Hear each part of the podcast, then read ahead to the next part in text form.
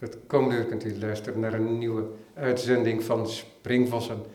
Misschien heeft u op de achtergrond al kerkklokken gehoord. Dat zijn de klokken van de oude kerk. Ik zit hier in een ruimte waarop de lange muur een plattegrond van die oude kerk is geprojecteerd. De Zuidbeuk, het schip, de Noordbeuk, de Jonskapel, de Sebastiaanskapel. En ik zit in, op een ruimte, de belle étage, in het, wat tegenwoordig het kantoorgedeelte heet. En schuin tegenover mij zit Jacob Lekkerkerker. Jacob Lekkerkerker is organist, maar hij is ook programmeur, curator, muziek van de Oude Kerk. Dat doet hij al een aantal jaar. En waar hij zich dan specifiek mee bezighoudt, is een concertenreeks onder de titel Silence. Jacob, zijn dat je dit gesprek met me wil hebben. Graag. Ja, ik ben een van de bezoekers van die concerten. Ik heb ze niet allemaal mee kunnen maken. Het zijn concerten op de eerste vrijdagochtend, met nadruk ook op ochtend van iedere maand. 8 uur s ochtends, met een heel uiteenlopende programmering. Over die programmering gaan we het hebben in de ruimere zin, denk ik. Ik zou je ongetwijfeld vragen om ook hele specifieke voorbeelden eruit te halen. Maar misschien als we naar het begin van die reeks gaan, komen we al bij een heel specifiek voorbeeld, denk ik. Um, hoe ben jij bij de Oude Kerk betrokken geraakt? Was dat al als organist of was dat pas in je functie als curator? Ik ben bij de Oude Kerk betrokken geraakt, eigenlijk heel toevallig, via de Oude Kerk gemeente. Het is een actieve kerkelijke gemeente. En in 2007 was ik organist in Sloten, het dorpje bij Amsterdam, op de grens met Badhoevedorp, bij de zogenaamde Vrije Geer, waar we nog eens over gestemd hebben bij een referendum, of dat moest blijven of niet. Ik zou zeggen, ga allemaal eens kijken, het is gebleven. Het is een van de mooiste natuurstukjes eh, binnen de gemeentegrens van Amsterdam. En ik dacht na vier jaar, um, ik was acht, van mijn 28ste tot mijn 32ste daar. Ik dacht, ik ga een sabbatical nemen. En um, de oude kerkgemeente hoorde dat. Daar was ik een enkele keer wel eens ingevallen. En die zeiden, oh wil je dan misschien bij ons een jaar spelen?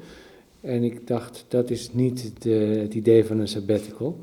Maar ik was ook erg onder de indruk meteen hè, van de ruimte. Um, dus ik, ik zei, nou goed, uh, dat doen we. Dus zo ben ik eigenlijk bij de Oude Kerkgemeente gaan werken. Um, Protestantse Kerk Amsterdam. En ik ben acht jaar gebleven. Um, en in die tijd uh, is Jacqueline Grandjean directeur geworden van de Oude Kerk. En de oude kerk was juist uh, geheel gerestaureerd in die jaren. Dus de vloer is gerestaureerd, uh, de muren, ik weet niet wat allemaal. En dat was juist voorbij en zij heeft een plan gemaakt voor een, voor een culturele programmering. Um, en ik merkte meteen, uh, dit is iets bijzonders wat me hier overkomt. Ik was ontzettend geïnteresseerd in kunst, omdat ik kunstgeschiedenis heb gestudeerd. Dus ik werd heel erg geprikkeld door het feit dat die wind hier ging waaien. Uh, en zo zijn eigenlijk de gesprekken, die ja, gewoon terloops zijn begonnen, um, ja, die zijn geresulteerd uiteindelijk in het feit dat ik organist van de Oude Kerk in brede zin ben geworden. Dat heet organist titulair. Samen met Matteo in Bruno ben ik dat. En dat ik dan uiteindelijk curator muziek ben geworden. Het was geen vacature of iets dergelijks. Maar het zijn gesprekken geweest over kunst, over muziek.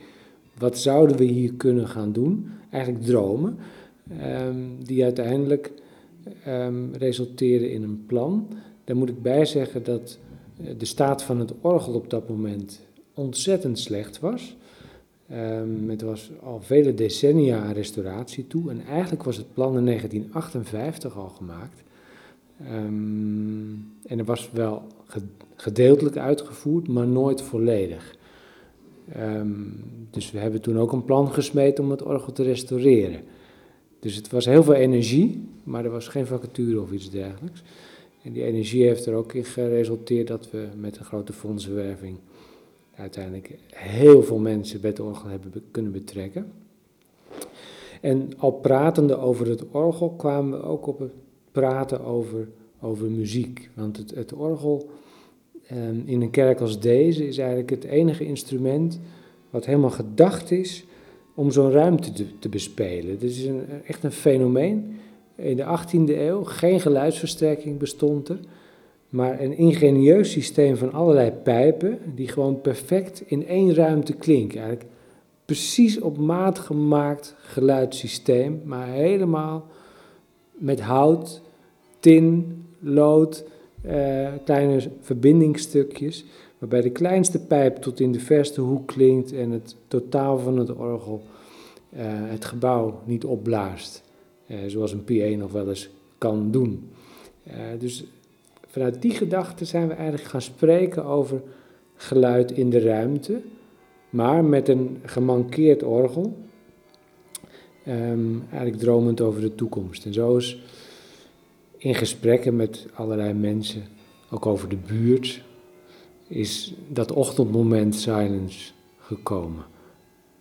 Maar was dat dan meteen ook echt een idee om een serie neer te zetten? Of om af en toe, om het met een beetje algemeen woord, een interventie te doen? Um, het idee was om een serie te ontwikkelen. Uh, en wel vanuit het idee dat um, hier twee of drie keer per jaar een grote tentoonstelling is. En die tentoonstelling geeft het gebouw kleur, die geeft het gebouw karakter, die geeft het gebouw een wisselend gezicht. En dat hangt ook nog samen met het seizoen. Dus de kerk verandert eigenlijk een aantal keer per jaar van, van inhoud. Een kunstenaar doet een toevoeging of een kunstenaar geeft een reactie. Een kunstenaar boort op de betekenislagen en op de geschiedenis van 700 jaar die hier is. Dus het idee stond, ontstond om een concertserie te maken die daarmee meebeweegt. En niet vanuit de gedachte die ook wel geopperd is. Uh, we hebben veel gesprekken gehad met allerlei programmeurs, kunstenaars. Van uh, maak een algemene muziekserie of, of uh, kies een bepaald genre.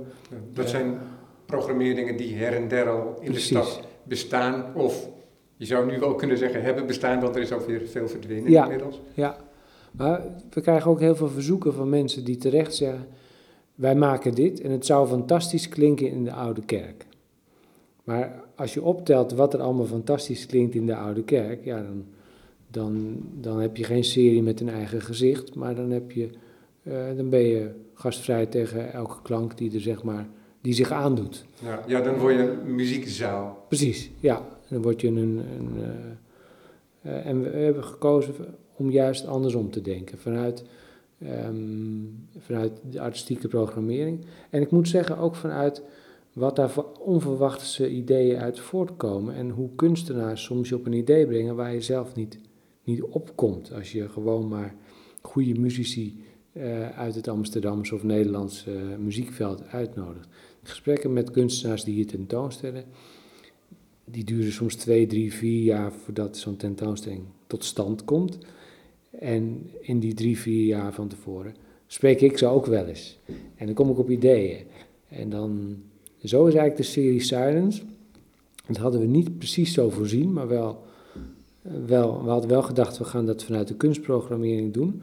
Maar dat met name in de eerste twintig edities ongeveer, elke tentoonstelling uh, ervoor zorgde dat we op een nieuwe manier bouwden aan, aan dit concept.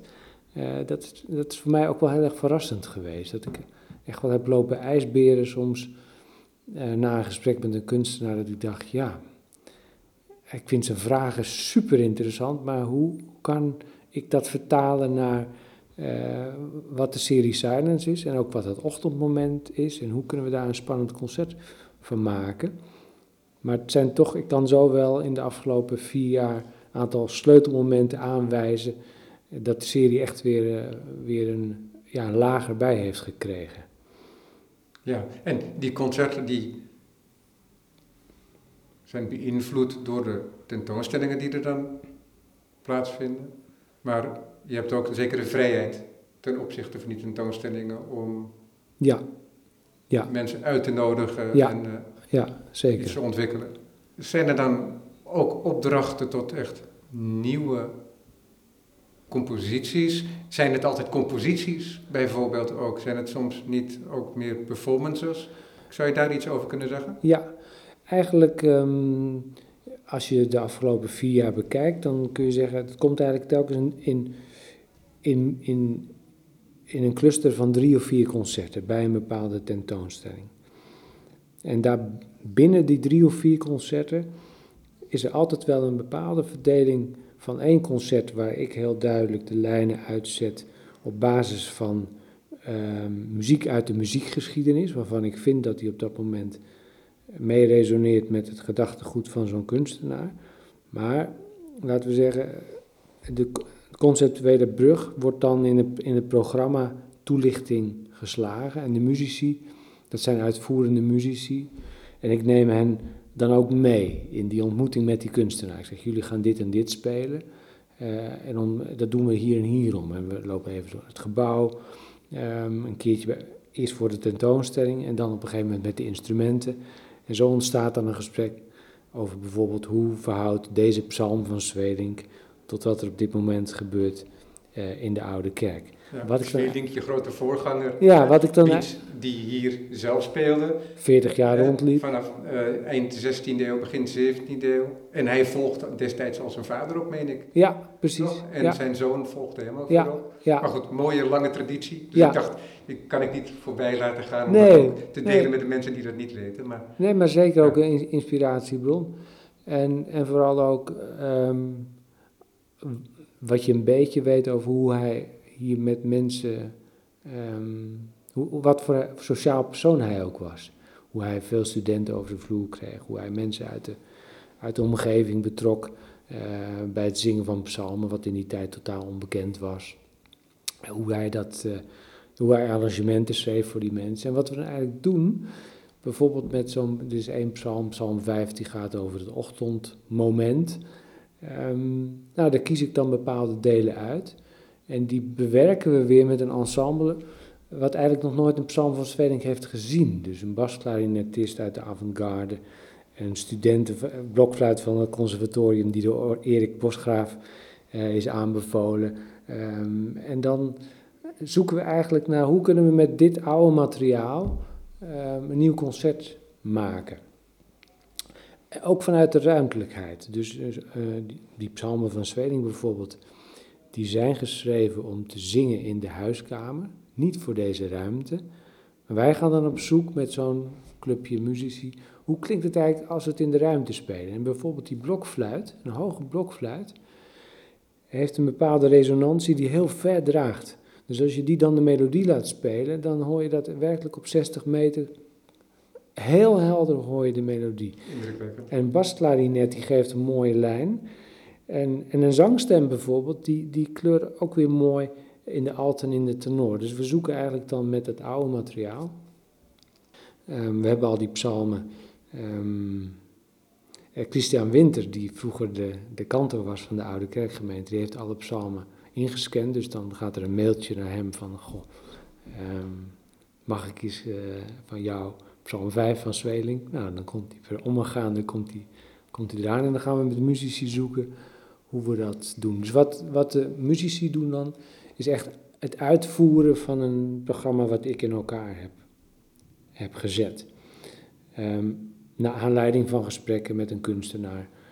Ehm, en ook heel veel vertrouwen wel van een kunstenaar. En ook van de directie van de Oude Kerk op dat moment.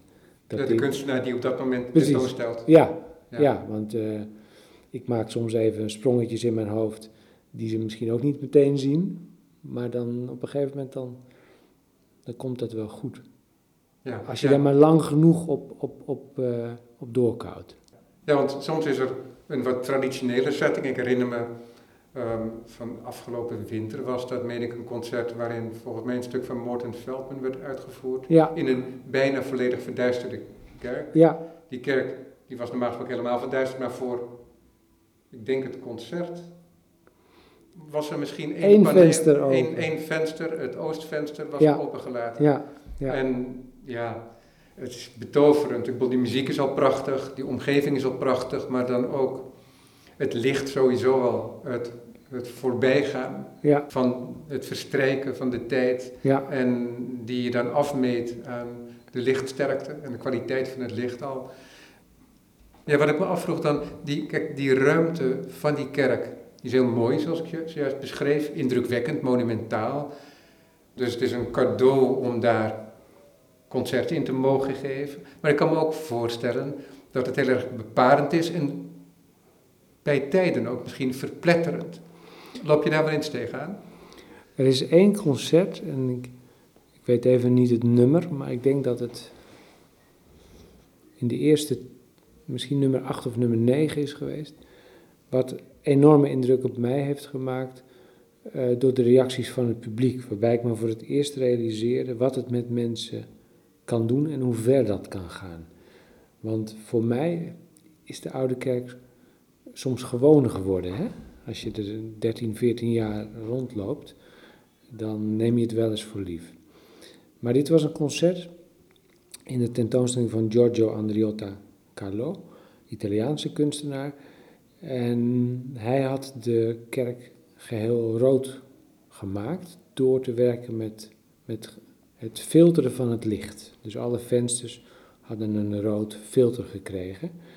Ehm, dus de kerk was, was geheel rood. Wat op zich al een, een vrij beklemmend voor sommigen en voor anderen ehm, religieus of, of, of, of spirituele ervaring eh, teweegbracht. En in de gesprekken met Giorgio ehm, was een van zijn vragen van hoe klinkt rood?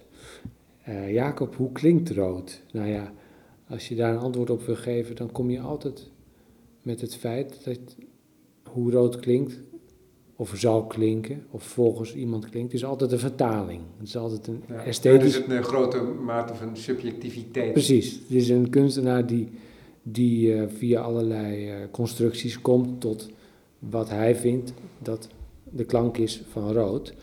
Dus ik kon die vraag niet beantwoorden, maar ik vond hem wel zo spannend dat ik het met verschillende mensen heb gedeeld. Van oh, hoe denk jij hierover, hoe denk jij hierover?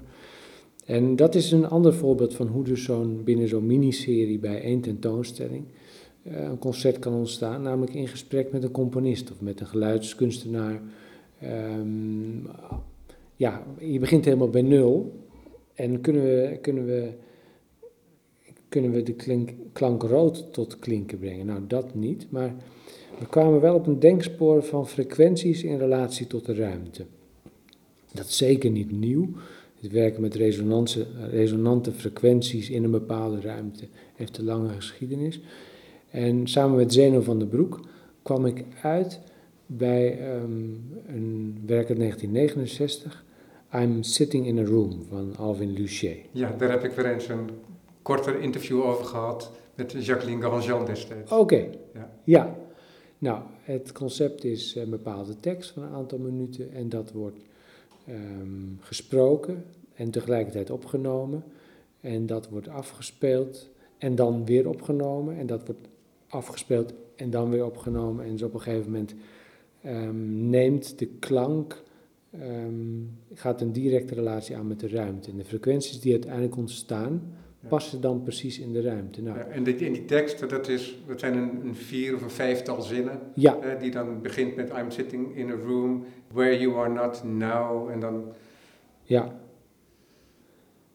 En als je dat in de Oude Kerk gaat doen, zo'n complexe room, gewoon eh, een, een, een akoestische ruimte, je, je ziet daar de plattegrond.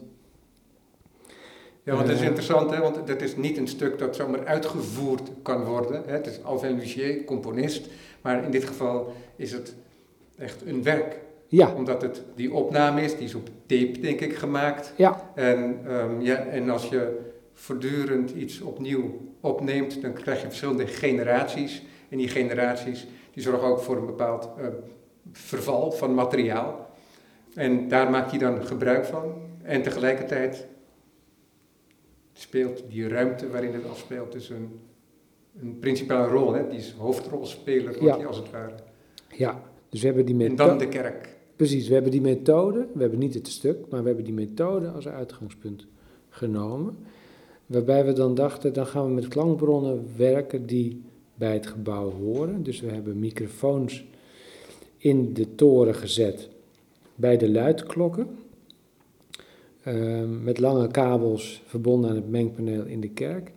We hebben het transeptorgel, het, kleinere orgel van de oude kerk, hebben we ook microfoons voorgezet. En we hebben een stuk gemaakt van een minuut of vijf, um, wat werd ingespeeld aan het begin van het concert.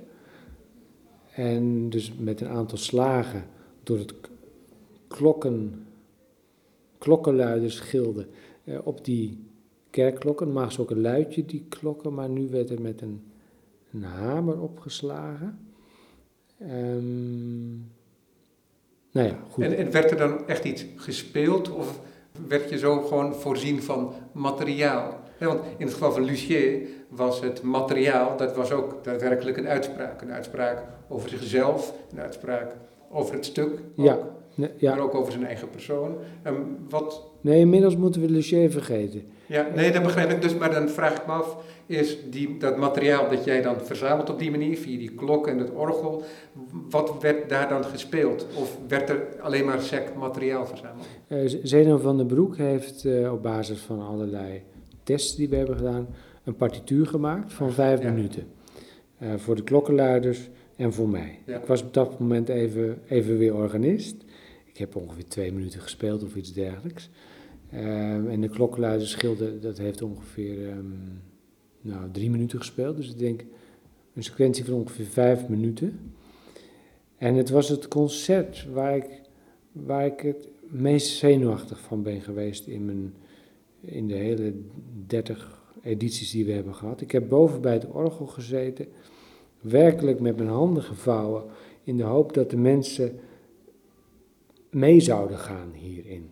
Want het is vrij extreem. Vijf minuten muziek en dan vervolgens telkens een herhaling van die muziek. En wat was die muziek nou?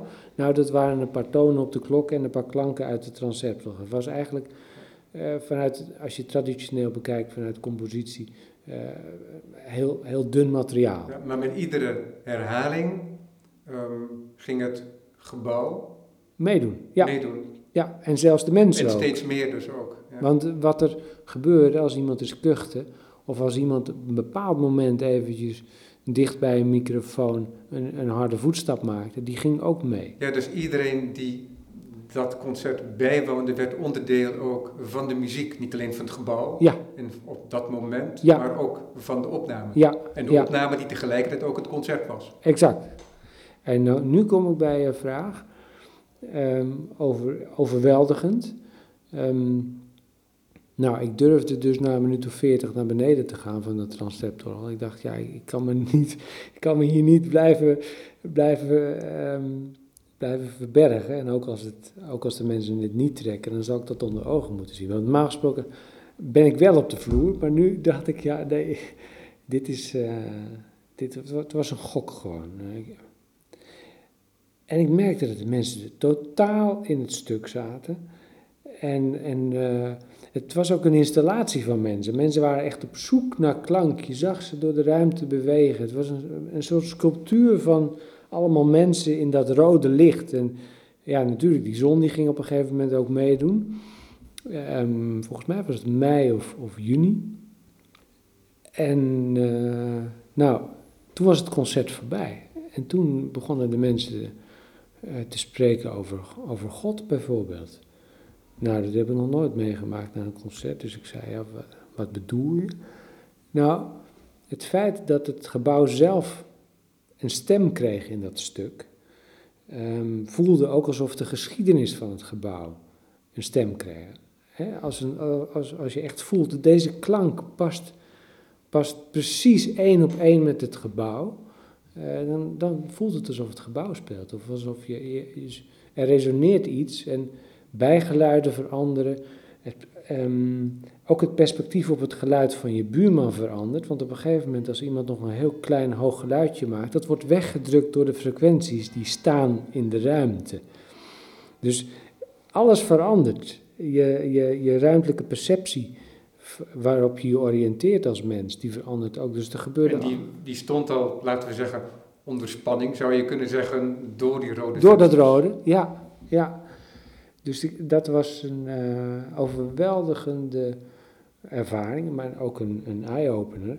En als je teruggaat naar het idee van, van, van een orgel, ja, dit was eigenlijk ja, dit was wat een orgel ook soms teweeg brengt bij mensen. Hè? Ja, want je gaf eerder in het gesprek ook aan dat dat orgel ehm, wellicht helemaal op pas gemaakt voor het gebouw ook, ehm, zo goed tot uiting komt in dat gebouw. En dat is dan ook geen toeval, omdat dat. Ja, ja.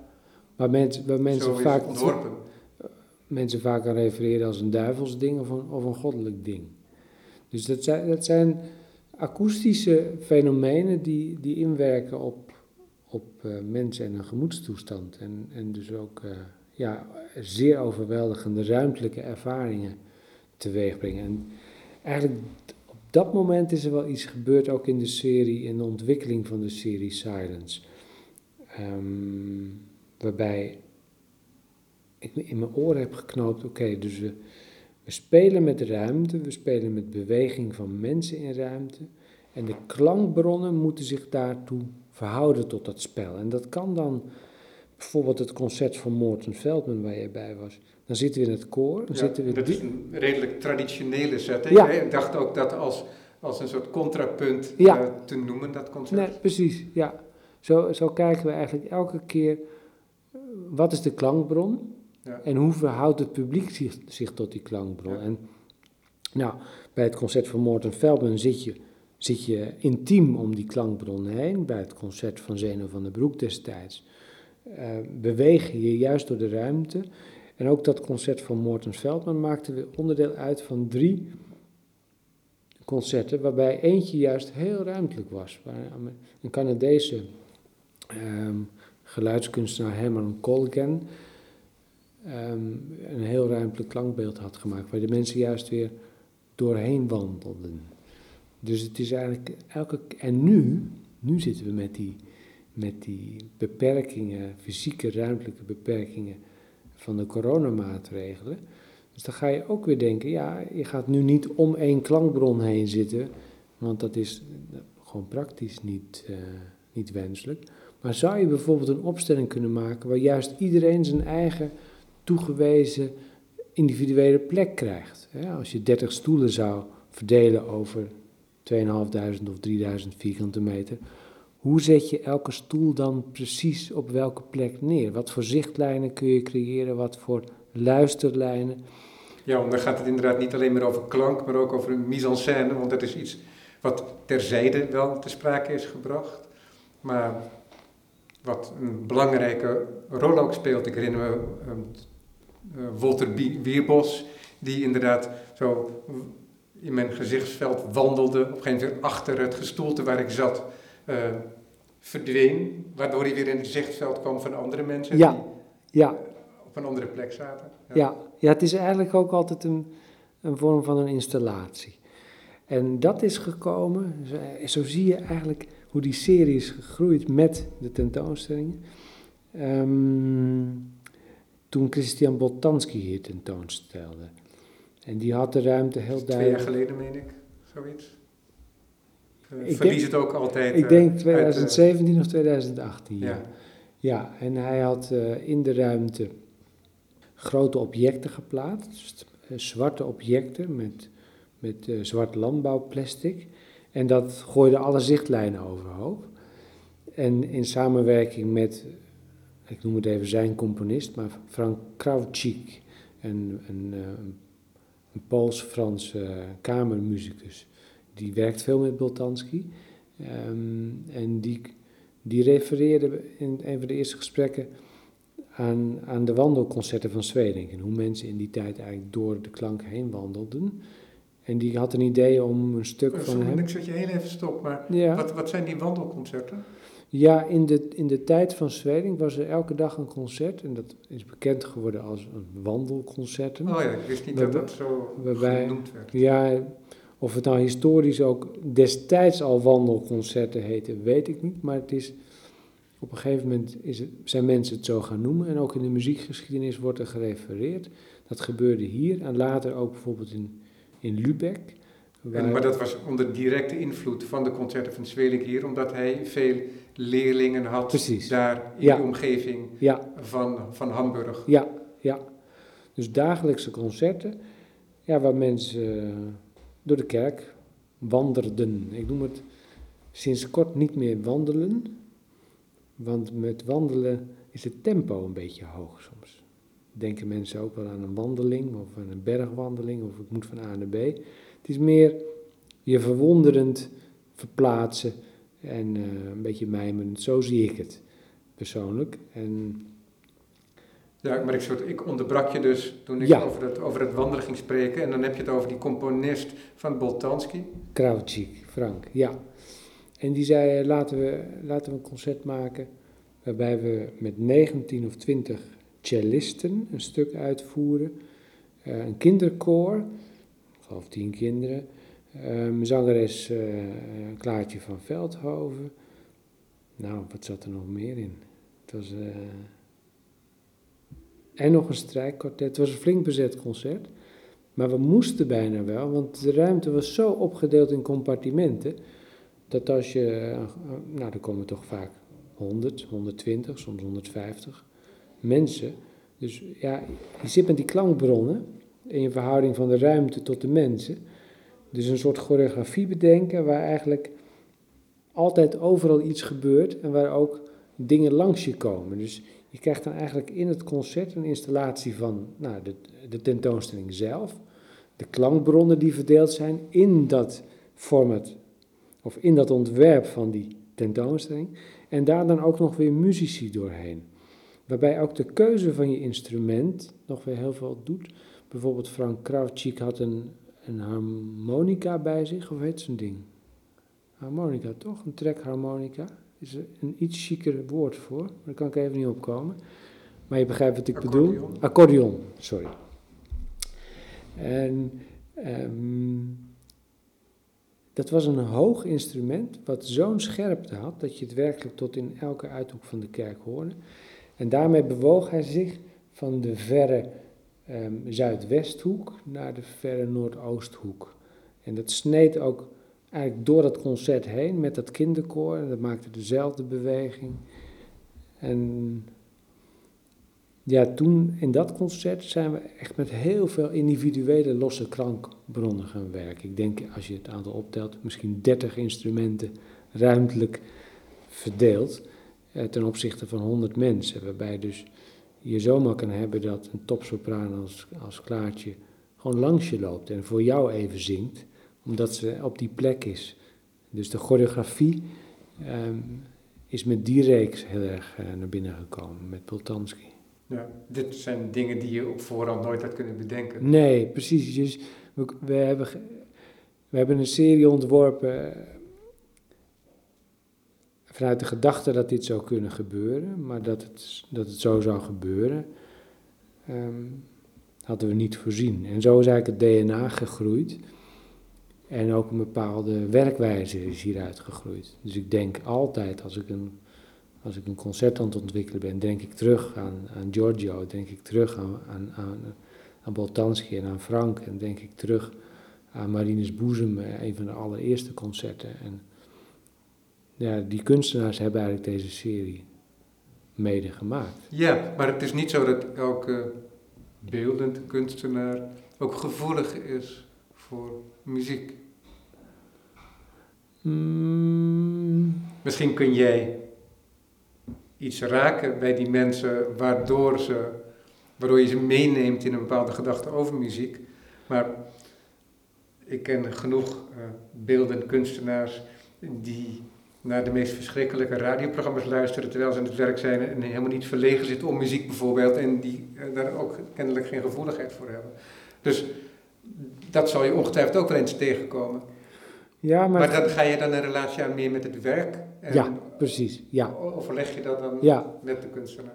En ik zie muziek ook eh, ehm, eh, en, en klank. ehm, dat geeft uitdrukking soms aan iets totaal abstracts, maar meestal ook in de muziekgeschiedenis, staat er toch niet op zichzelf.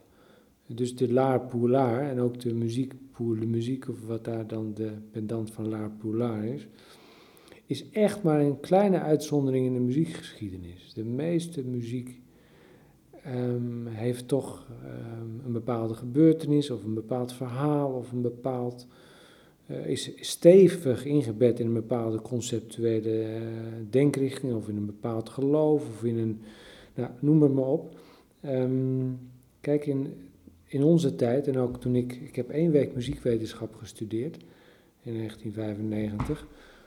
Maar uh, ja, uh, Matthäus Passion is gewoon, is gewoon goede muziek. Hè? Ja, dat is wel zo. Maar die is zo stevig verankerd in een Lutherse geloofstraditie. Um, en, en zo zie ik eigenlijk hier in de Oude Kerk een, een, een heel sterke uh, kunsttraditie. Waarbij kunst, kunstenaars concepten brengen die je nog niet kent. En het gesprek over die concepten, um, dat, dat zet mij aan het denken. En dan, en dan ga ik zoeken, dan ga ik zoeken, dan ga ik zoeken, dan ga ik zoeken. En dan denk ik, hoe kan ik nou een brug slaan tussen een wereld van klank en dit concept?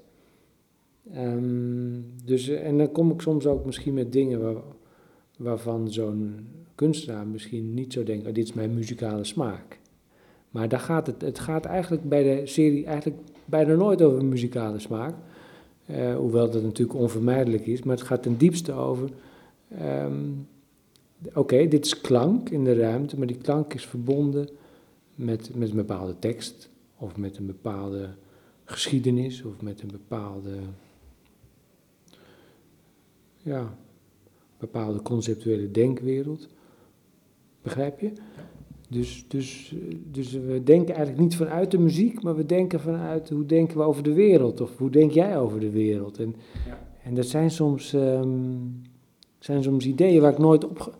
Of, of, of, of, of denkrichtingen waar ik uh, als, als, ja, hoe moet ik het zeggen, als 45-jarige witte West-Europese Amsterdammer ook nog nooit eens aan gedacht had. Maar als iemand me dat dan uit Italië of uit Argentinië, um, als die met een, denkwereld hier binnenstapt die me totaal vreemd is, dan word ik wel heel erg nieuwsgierig en denk ik van, goh, is er iets in mijn belevingswereld wat hier wellicht uh, bij aansluit? Maar soms duurt dat vier of vijf keer of zes keer, of moet je wel tien keer door die tentoonstelling heen lopen voordat je het, voordat je het voelt. En is het altijd zo nog dat je, behalve dat curatorschap, ook altijd nog orgel speelt? Ja, zeker. Ja. En ook meer en meer componeren, moet ik zeggen. Ja. Eigenlijk... Uh... Heb je dat altijd al gedaan? Je bedoelt? Componeren? Niet nee. organist of nee. muzikus componeert? Eigenlijk heb ik uh, heel fanatiek orgel gespeeld van mijn twintigste tot mijn, tot mijn veertigste. En met fanatiek bedoel ik dan echt wel uh, vijf, zes uur per dag. En rond mijn veertigste ben ik meer gaan componeren. En dat is eigenlijk, ja, het was eerst het bewerken van dingen die ik had gespeeld of improvisaties die ik had gemaakt. En meer en meer is dat... Uh, componeren met de computer, met een assistent in de studio, die dan een klankwereld maakt die ik zelf nooit zou kunnen maken, maar die ik wel in mijn hoofd heb, waarin het orgel en de klank van het orgel een rol speelt, ook kerkklokken een rol spelen. En dat is eigenlijk iets wat ik sinds, ja, sinds een jaar of twee, drie fanatiek ben gaan doen. Ik ben ook een opleiding gaan volgen daarvoor in Londen en dat is eigenlijk iets wat de wereld nog niet echt weet. Ja, ja, want het is niet zo dat dat al onderdeel is geweest, bijvoorbeeld van een van die concerten. Eén keer wel, één keer wel. Uh, vorig jaar was hier, um, maar dat was niet bij de Silence serie, het stond op zichzelf. Uh, Children of the Light had een, had een lichtkunstwerk gemaakt en toen heb ik daar een compositie bij gemaakt.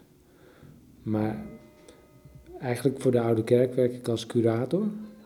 En, en ook als organist. Maar ik heb bijvoorbeeld de eerste tien concerten nooit zelf één noot gespeeld. Want ik, vond het eigenlijk geen goed idee. Maar nu soms doe ik wel eens mee. Ja. Ik zie het ook als een, eh, een community gebeurtenis, echt een collectieve ervaring. En waarom zou je jezelf uitsluiten van die collectieve ervaring als je toevallig gewenst bent of iets kunt wat op dat moment eh, even, even nodig is? Dus dan is het gewoon een voetbalteam en je gaat ook, je trekt je schoenen aan en je doet mee. Ja. Dus daar ben ik wel iets vrijer in aan het worden. Ja. Maar het moet uitdrukkelijk niet uh, ja, een verlengstuk van mijn eigen muzikale praktijk zijn. Nee, ik begrijp dat er ook een soort hygiëne moet zijn, dat je enigszins afstand moet houden ook. Maar het zou niet vreemd zijn als er een keer zo'n concert is met werk van jou alleen. Ja. Maar ja, goed, het, het... ja, ik moet een beetje denken aan Johan Cruijff, die op een gegeven moment bij Barcelona... Ja, het is een stomme vergelijking om mezelf met Cruijff te vergelijken. Maar ik kan me zo goed het moment herinneren dat ik voor de televisie zat.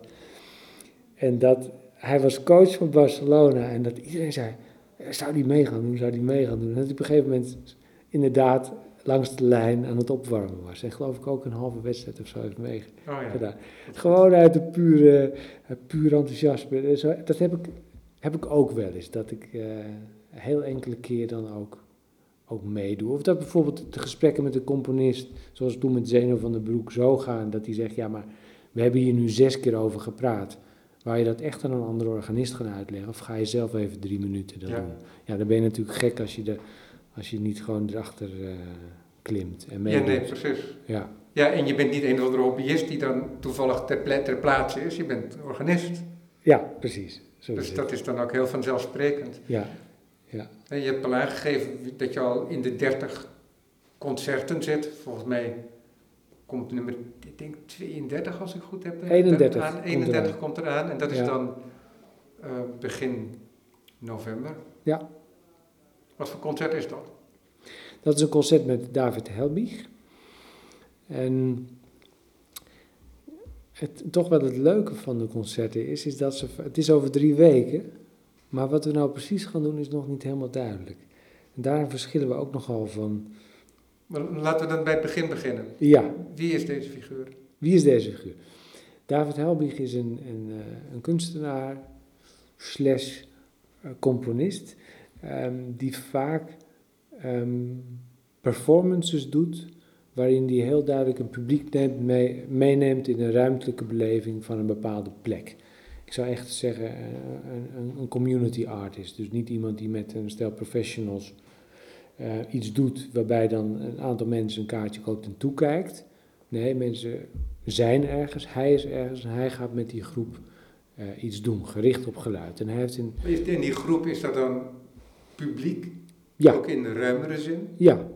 Dus ook een A-muzikaal figuur als ik? Ja, ook een A-muzikaal figuur. Ik weet niet of je dat bent, maar wat hij bijvoorbeeld doet is uh, luisteroefeningen in een ruimte, waarbij hij met zijn hij geeft allerlei tekens wat jij moet doen.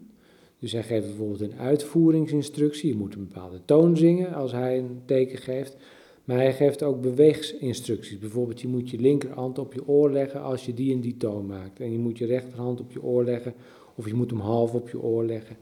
Dus hij, hij activeert heel erg um, de mensen die hij tegenkomt. Ja, dus de participatie met de muziek, met de receptie, maar ook dus heel eenvoudig een akoestische ingreep. Hè? Als je inderdaad op die manier zo je oren in een bepaalde sequentie afdekt of ook vrijlaat. Ja, dus, dus en uh, het is ook een. Je hebt natuurlijk verschillende mensen met verschillende soorten energie. Maar hij is echt van het type, type voetbalcoach. Het is uh, een en al energie. Als hij, ja, hij moet natuurlijk veel overbrengen aan mensen die hij mee moet krijgen en die niet getraind zijn. Precies. Als zodanig. En in een heel korte tijd kan hij met een, een groep mensen van de straat, een groep passanten, kan die uh, enorme, hij kan ze enorm activeren in hoe ze luisteren en, en hoe, ze, hoe ze om zich heen kijken en hoe ze een groep vormen. En ook met, hoe ze met hem iets, iets maken in een korte tijd. spanningsboog vaak 15 uh, minuten, als ik het zo me herinner. Dat is een bepaalde vorm van, in, uh, van improvisatie. Ja. Want ik kom daaraan Ja. en ik heb geen repetities meegemaakt. Nee, Dan kan ik me voorstellen dat hij juist daartegenover heel veel voorbereiding stelt. ja, ja. Dus hij heeft eh, patronen, hij ontwikkelt patronen, ontwikkelt soms een heel eenvoudige partituur. Voor mij nu de uitdaging ehm, is om zijn, zijn voetbalveldenergie, zo noem ik het toch maar even, ehm, te laten synchroon lopen met onze silence-energie. Ja, want wat, heb, wat is de vraag die jij hem gesteld hebt? Ehm, nou, met de meeste makers zijn gesprekken vaak al één of twee jaar bezig. En hij heeft al heel erg lang de wens om iets te doen met de deuren van de oude kerk. En hij heeft in het verleden ook al eens bij onze nachtelijke dwalingen een performance gedaan met de deuren van de oude kerk.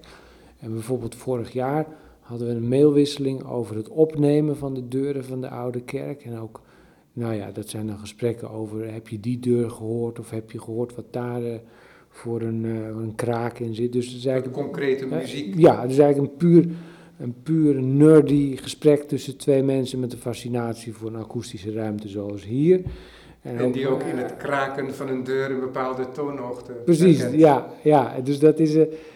Ja, en ik zou die deur willen opnemen. En dan hadden we het nog over misschien een stuk te maken met vijf kerken, waarbij we dan de ruimtes uh, ja, eigenlijk aan elkaar verbinden. Dus een, uh, een, een, een, plek overstijgende compositie met deuren van vijf kathedrale ruimtes in België en in Nederland en misschien in Frankrijk en Duitsland.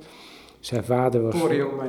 Ja, zou je het kunnen ja, noemen. ja, zijn vader was kantor van de Dom in Bremen, dus hij heeft ook een hele lange geschiedenis met kerkgebouwen, net als ik eigenlijk wel. Um, dus nou ja, dat is een, gewoon een, gesprek wat dan loopt, omdat hij hier te gast was in 2016. En uh, nou goed, je kent elkaar zo. En, mm, um, en nu zit hij met, zijn, met een kleine film, uh, die de mensen moeten gaan bekijken, uh, in de tentoonstelling The World After. en ook op de website, oudekerk.nl, zijn er 15 of 16, als ik het uit mijn hoofd zeg, kunstenaars die in de maanden na de uitbraak van die uh, pandemie een film hebben gemaakt, uh, of een kort filmpje van vaak een paar minuten, uh, als hun persoonlijke reactie op de uitbraak en, en hoe, wat ze nu op dit moment aan het doen zijn. Hij heeft een filmpje gemaakt, kijkend uit het raam, van ongeveer vijf minuten.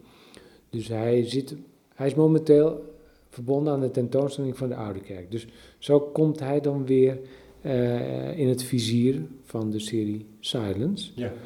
Um, maar in die gesprekken die je met hem hebt, um, zal er toch op een gegeven moment een, iets naar voren komen.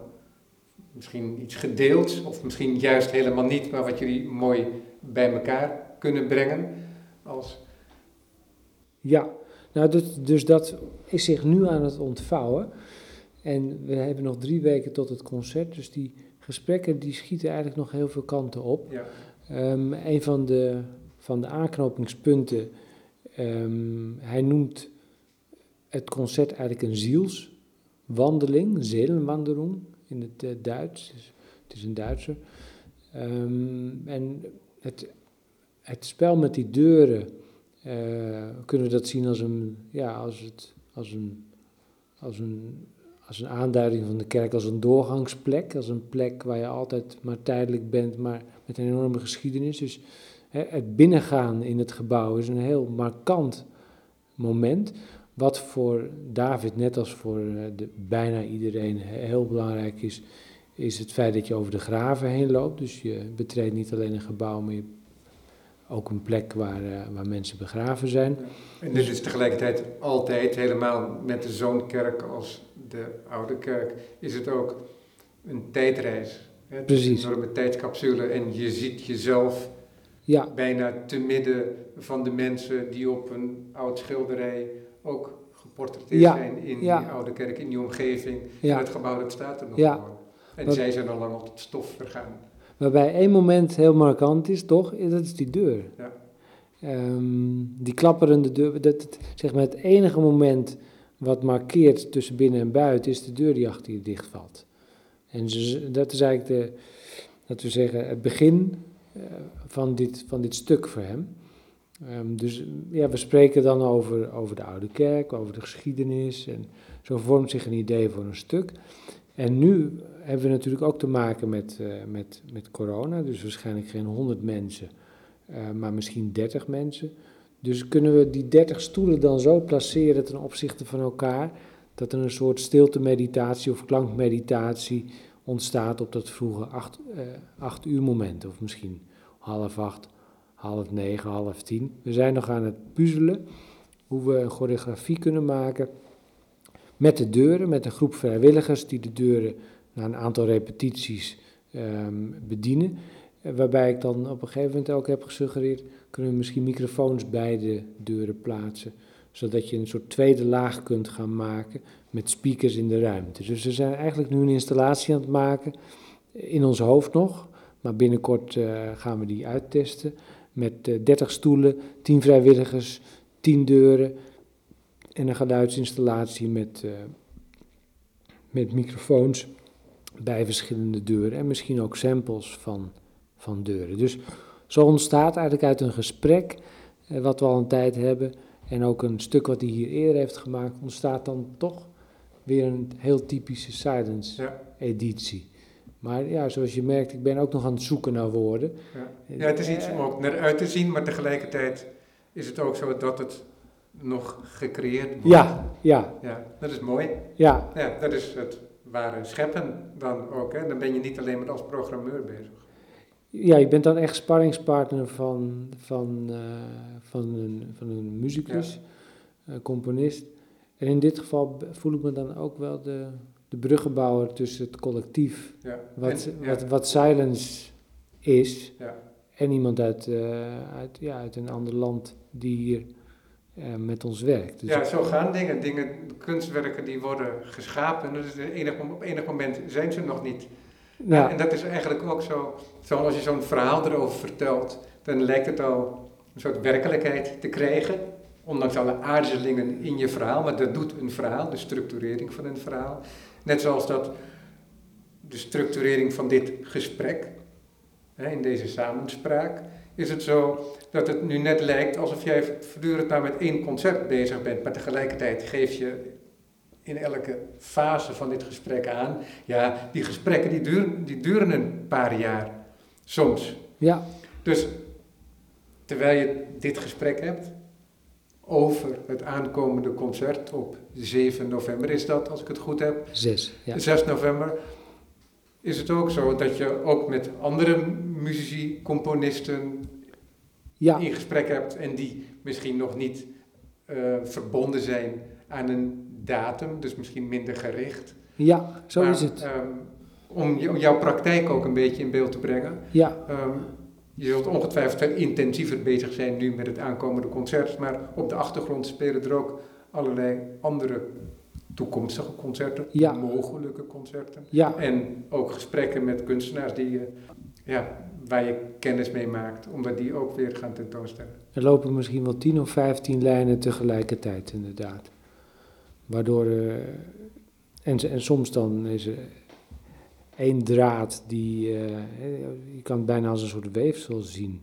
Eigenlijk een groter weefsel. Ik ben onderdeel van een heel groot weefsel wat hier aan het ontstaan is. En ik zit ergens aan dat tapijt eh, mee te weven. En er zijn allerlei gesprekken. En, en eh, die gesprekken zijn met kunstenaars die hier tentoon gaan stellen. En je wacht op een moment vaak. Van, ah, dat je denkt, oh, maar nu is het moment en nu kunnen we, nu kunnen we dit gaan doen. Terwijl er zitten soms drie jaar op te wachten.